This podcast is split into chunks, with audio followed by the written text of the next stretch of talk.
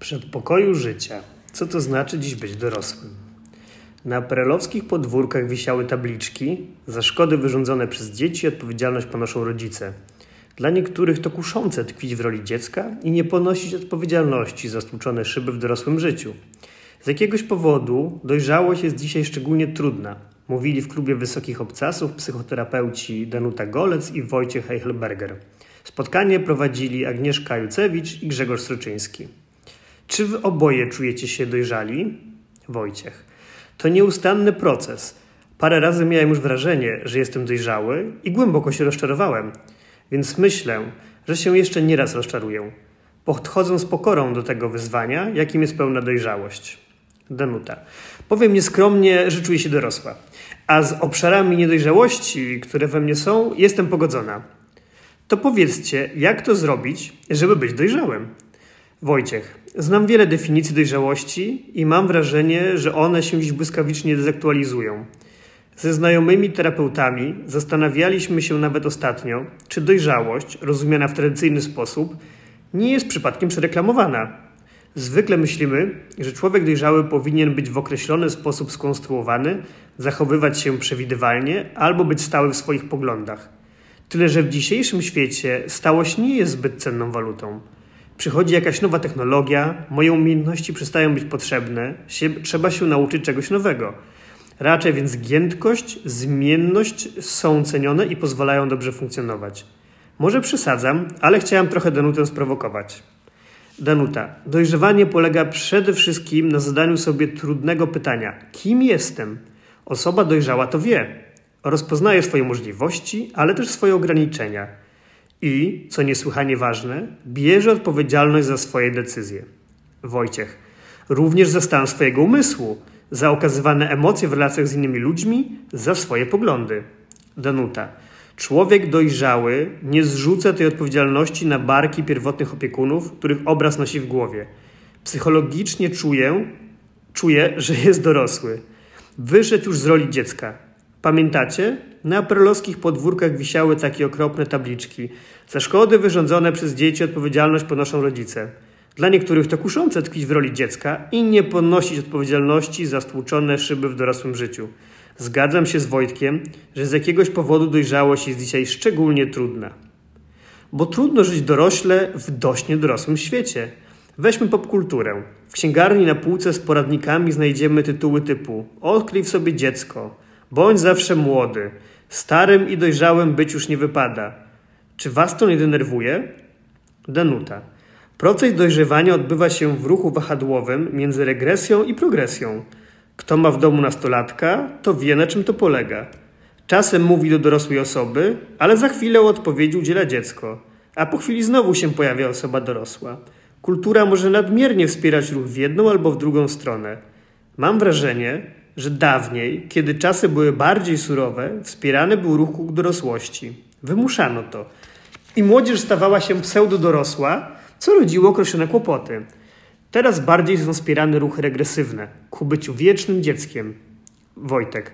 Z drugiej strony trudno się dziwić ludziom młodym, którzy nie mają pracy, że podejmują mądrą decyzję pozostania w domu, blisko rodziców, żeby sobie zapewnić jako taką egzystencję. Moim zdaniem Dzisiaj w wielu przypadkach to właśnie będzie decyzja dojrzała, ale może też wspierać regresję, że nie mogę się odkleić od mamusi. Danuta. Kiedy myślę o dojrzałości, mam przed oczami grupę swoich pacjentów, którzy utknęli. Tak zresztą o tym mówią. Utknęłam w przedpokoju życia. To cytat. Tkwią przez wiele lat w fazie ciągłego dojrzewania. Czasami trwa to do czterdziestki. Jednym z przejawów takiego stanu jest bierność. Utknąć to chyba ważne słowo. Dzisiejszy świat oferuje każdemu milion możliwości, milion życiowych dróg. Tyrania możliwości. Można utknąć z powodu tego nadmiaru? Danuta. Tak, z lęku przed decyzją. Nic, co w życiu wybiorę, nie będzie idealne. Nic nie będzie wystarczająco dobre, więc lepiej tkwić w tym przedpokoju życia i nie decydować się na nic. Wojtek. Albo wybierać tylko na chwilę, do czasu, aż zaciekawi mnie jakaś nowa kolorowa obietnica. Ja bym powiedział, że nie tyle tkwimy w miejscu, ile raczej miotamy się. Od jednej barwnej oferty do drugiej. Jestem w jakimś związku? Fajnie, ale może kolejny związek byłby jeszcze wspanialszy. Niektórzy czują wewnętrzny przymus próbowania wciąż czegoś nowego. Jesteśmy zresztą namawiani do tego, żeby szukać i zmieniać. Danuta. Miło jest pozostawać wiecznie w fazie dojrzewania, kiedy możliwości są jeszcze nieograniczone. Co dalej, maturzysto? Był taki plakat. I otwierał się cały wspaniały, kolorowy świat możliwości. Ale konsekwencje bycia takim maturzystą w wieku lat 40 mogą być nieprzyjemne. Prawdziwe życie wciąż jest dopiero za rogiem. Wojtek. I właśnie to wymaga większej wewnętrznej dojrzałości, żeby w tym morzu możliwości odnaleźć jakąś własną gwiazdę. Dawniej były określone przepisy na wszystko. Wiadomo było, co to znaczy być kobietą, co znaczy być mężczyzną, mężem, żoną. Scenariusz przeciętnego życia był napisany od początku do końca, ale myślę, że to było dość przykre i nieciekawe. Dzisiaj wszyscy mamy żyć nieprzeciętnie, Wojtek, i czasem trzeba się umieć temu oprzeć, Danuta. Cechą naszych postmodernistycznych czasów jest upadek wiary w potęgę rozumu. Wiary, która dawała ludzkości poczucie wszechmocy. Oto racjonalny rozum człowieka przeniknie wszystko, jeśli nawet nie dziś, to na pewno kiedyś. Dziś tej wiary już nie ma. W psychoanalizie mówi się, że jeśli pacjent traci coś tak cennego jak poczucie wszechmocy, to podejmuje działania obronne, żeby się z tą stratą uporać. I mam wrażenie, że te wszystkie ideały narcystyczne, które oferuje współczesna kultura, to właśnie próba ukojenia bólu po stracie. Narcyzm ma chyba wiele wspólnego z niedojrzałością. Wojtek, tu jest pies pogrzebany. Kultura narcystyczna zwalnia nas z obowiązku poznawania siebie i przenosi akcent na kreowanie siebie. Ważne jest to, co widać na zewnątrz, ten idealny wizerunek się liczy. I oczywiście możemy siebie wykreować na różne sposoby. Kupić nowy modny gadżet, założyć nową maskę atrakcyjnej tożsamości. Niemniej jednak kreacja z założenia ignoruje nasze prawdziwe wewnętrzne potrzeby, zasoby, możliwości. Nie wiem, Danuto, czy się z tym zgodzisz, ale do gabinetów terapeutów przychodzi teraz dużo więcej pacjentów narcystycznych. Ludzi bardzo pogubionych w tym morzu ofert i możliwości przebrań, które chcieliby włożyć na siebie, tylko nie wiedzą, co wybrać. Danuta. Przychodzą też ludzie, choć to moim zdaniem nie jest główna grupa, którzy chcą być jeszcze lepsi. Zrobić sobie taki Photoshop psychiczny, tu dodać, tam ująć, żeby było idealnie. I żeby można było osiągnąć ten narcystyczny ideał jakimiś trikami, które powinien znać psychoanalityk. Wojtek, tak jest. Chcą wstrzyknąć sobie botoks, tyle że tym razem nie chodzi o sylwetkę, ale idealnie wyprofilowany świat wewnętrzny. Danuta. I wtedy będę wreszcie dojrzała. Będę mogła wziąć kredyt, kupić mieszkanie, znaleźć innego partnera i rozpocząć z nim idealne życie. I to jest utknięcie w przedpokoju życia? Danuta. Może tak wyglądać.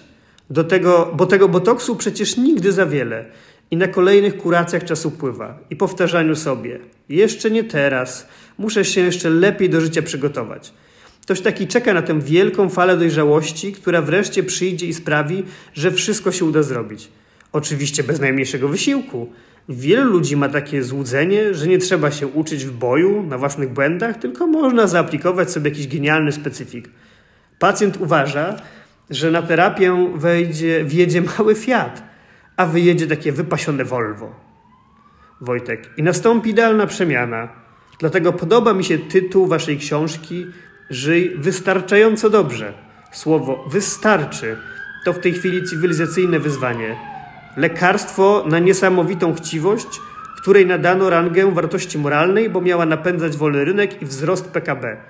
Kryzys pokazał, że to nie działa. Wystarczy. Mnie samemu to dobrze robi w wielu chwilach życia i przy podejmowaniu różnych decyzji. Czy dzisiejsze metody wychowawcze sprzyjają produkowaniu wiecznych dzieci? Często rodzice skupiają się na usuwaniu przeszkód, na nagradzaniu.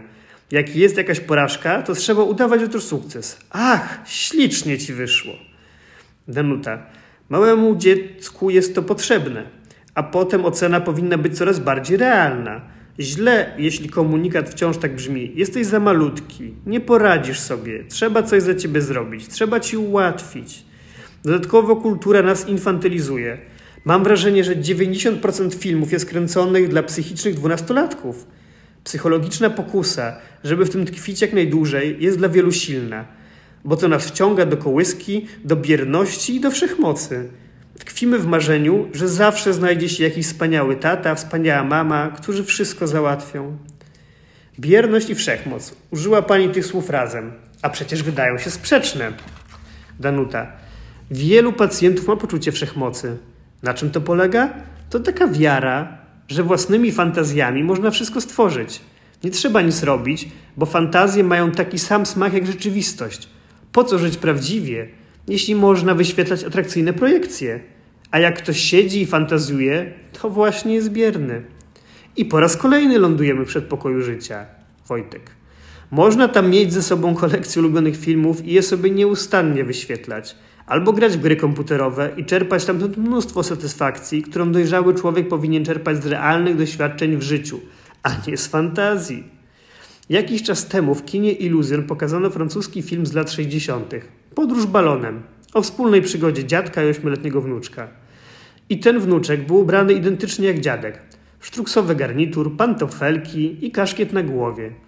Dzisiaj w podobnym filmie byłoby na odwrót. To raczej dziadek paradowałby w wyciągniętej bluzie, krótkich portkach i starał się upodobnić do wnuczka. Co się stało? Co nas pociąga w tej wiecznej adolescencji?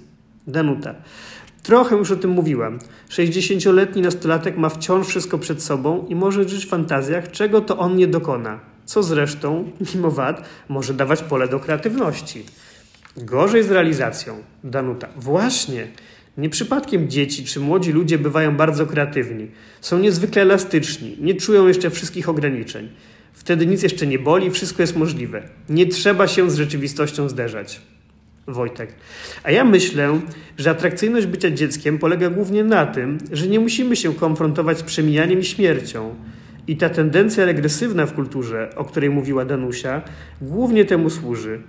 Ja nie mam pretensji do tych dziadków, którzy chodzą w shortach i w baseballówkach. Może im wygodnie po prostu.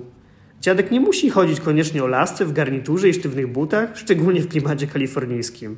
Atrybuty bycia dziadkiem, człowiekiem bardzo dojrzałym, powinny być raczej wewnętrzne niż zewnętrzne.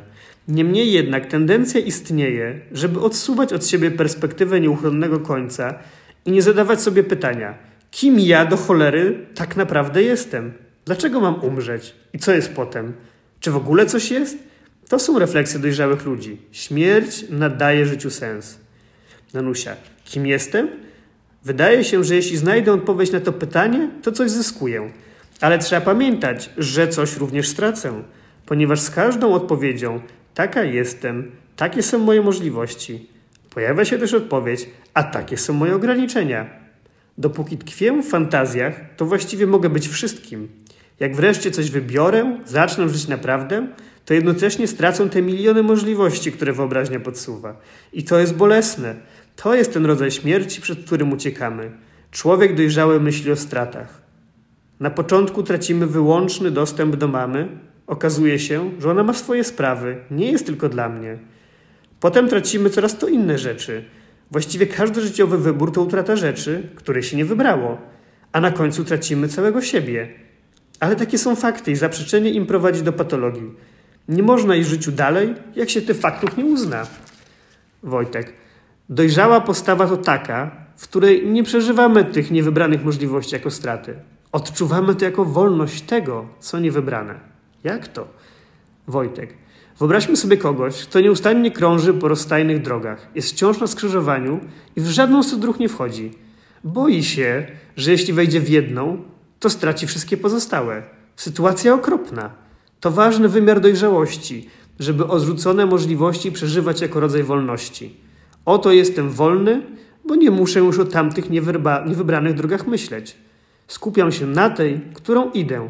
Podziwiam okolicę, rozglądam się z ciekawością, a nie wałkuję nieustannie w głowie, że może lepiej było wejść w inną drogę. Zgoda. Tylko dziś wchodzimy w te drogi i tylko na chwilę. Wszystko ma swój nieprzekraczalny termin ważności. Filozof Zygmunt Bauman słusznie zauważa, że w dzisiejszych czasach zawody starzeją się szybciej niż wykonujący je ludzie. Nagle okazuje się, że moje wyuczone umiejętności nie przynoszą już dochodów. Wojtek, bo gazety słabiej się sprzedają, dziennikarze trafiają na bruk. Właśnie. Wybrałem sobie ten zawód zaraz po maturze i nagle w wieku 40 lat wychodzę na kretyna, bo moje umiejętności już się nie liczą. Wojtek, ale pisanie książek się opłaca. Też średnio. Może dzisiaj bezpieczniej wybrać te życiowe drogi tylko na chwilę i tylko warunkowo. Pójdę sobie kilometr jedną, ale jak zacznie padać, to sobie wrócę na skrzyżowanie i wybiorę inną drogę. Wojtek. Znam mądrą przypowieść o chłopcu, któremu przyśniło się morze, ale nikt w jego wsi, leżącej w samym środku ogromnej wyspy, nie wiedział, czy coś takiego jak morze w ogóle istnieje. Kiedy chłopak dorósł, wyruszył w drogę na poszukiwanie morza. I właśnie tak się zachowywał, jak my dzisiaj. Wchodził w jedną drogę i się cofał. Wchodził w drugą, w trzecią, czwartą. Sporo się uczył, miał ciekawe przygody, ale nigdy nie dotarł do morza. Na sam koniec swojego życia, jako starzec, jeszcze raz ruszył na poszukiwania. Tym razem wybrał drogę prowadzącą pod górę. Wszedł na sam szczyt i stamtąd zobaczył, że wszystkie drogi, którymi chadzał przez całe życie, prowadzą do morza. Wystarczyło iść nimi konsekwentnie. Danusia. Różnie może być. Takie zmiany dróg mogą wynikać z niedojrzałości i ulegania impulsom zewnętrznym, ale mogą też być oznaką kontaktu z rzeczywistością. Jeśli jakiś zawód się kończy, to przytomnie jest go zmienić, niż brnąć dalej. Ale też trzeba robić to świadomie i to też wymaga dojrzałości, żeby się właśnie nie miotać. Pytanie z sali. Czy opłaca się dziś być mądrym? Wojtek. Opłaca się. Natomiast bycie mądrym i dojrzałym jest postulatem trochę kontrkulturowym. Przecież ludzie mądrzy i dojrzali nie będą ofiarami, ofiarnymi konsumentami wszystkiego i za wszelką cenę. Potrafią sobie powiedzieć: wystarczy. Pytanie z sali. Kiedyś usłyszałam bardzo ładne zdanie, że dorosłość polega na nieustannym, ponownym przeżywaniu dzieciństwa. Czy to prawda? Ja miałam idyliczne dzieciństwo i wracanie myślami do niego daje mi poczucie bezpieczeństwa. Jestem niedojrzała? Danusia. To dobrze, że pani wraca. Mamy w sobie pozostałości wszystkich faz rozwoju. Mamy aspekty niemowlęce, nastoletnie, dorosłe, psychotyczne, borderline'owe, narcystyczne, pełen komplet. To nie o to chodzi, że coś wymazujemy i jest tylko ta ostatnia faza, a do poprzednich nie wolno wracać. Chodzi o to, jak korzystamy z tego dzieciństwa. Jeżeli dzieciństwo jest pewnym stanem mentalnym, do którego można wrócić, żeby się poczuć bezpiecznie, ale to nie prowadzi do bierności, do roszczeniowości, do oczekiwania, że ktoś się mną teraz zajmie, to świetnie. Ale jeżeli te kolejne fazy nie są w sposób dojrzały zamknięte, to nas zalewają po prostu, ogarniają nas nagle stany emocjonalne i dziecięce, których nie umiemy kontrolować. Pytanie z sali. Jak sobie radzić z niedojrzałym szefem, który podejmuje niedojrzałe decyzje, jest po prostu zwykłym efekciarzem, pajacem i wykańcza przy tym psychicznie i fizycznie swoich pracowników? Wojtek. Najlepiej zmienić pracę.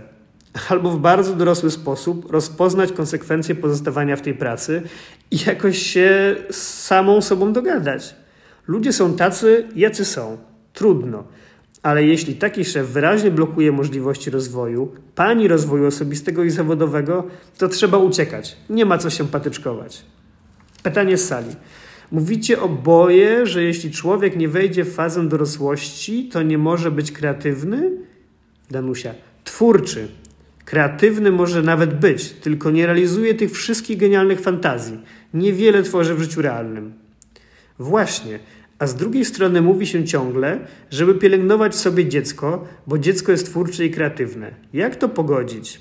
Danusia. Dobrze mieć sobie dziecko, ale pod opieką dorosłego. Nasze wewnętrzne dziecko może bardzo inspirować wewnętrznego dorosłego, podobnie jak to jest w relacjach między dorosłym a realnym dzieckiem. Kontakt z czterolatkiem może być niesłychanie inspirujący, ale nie możemy mu pozwolić zarządzać naszym życiem. Tu są ważne granice. Pytanie z sali.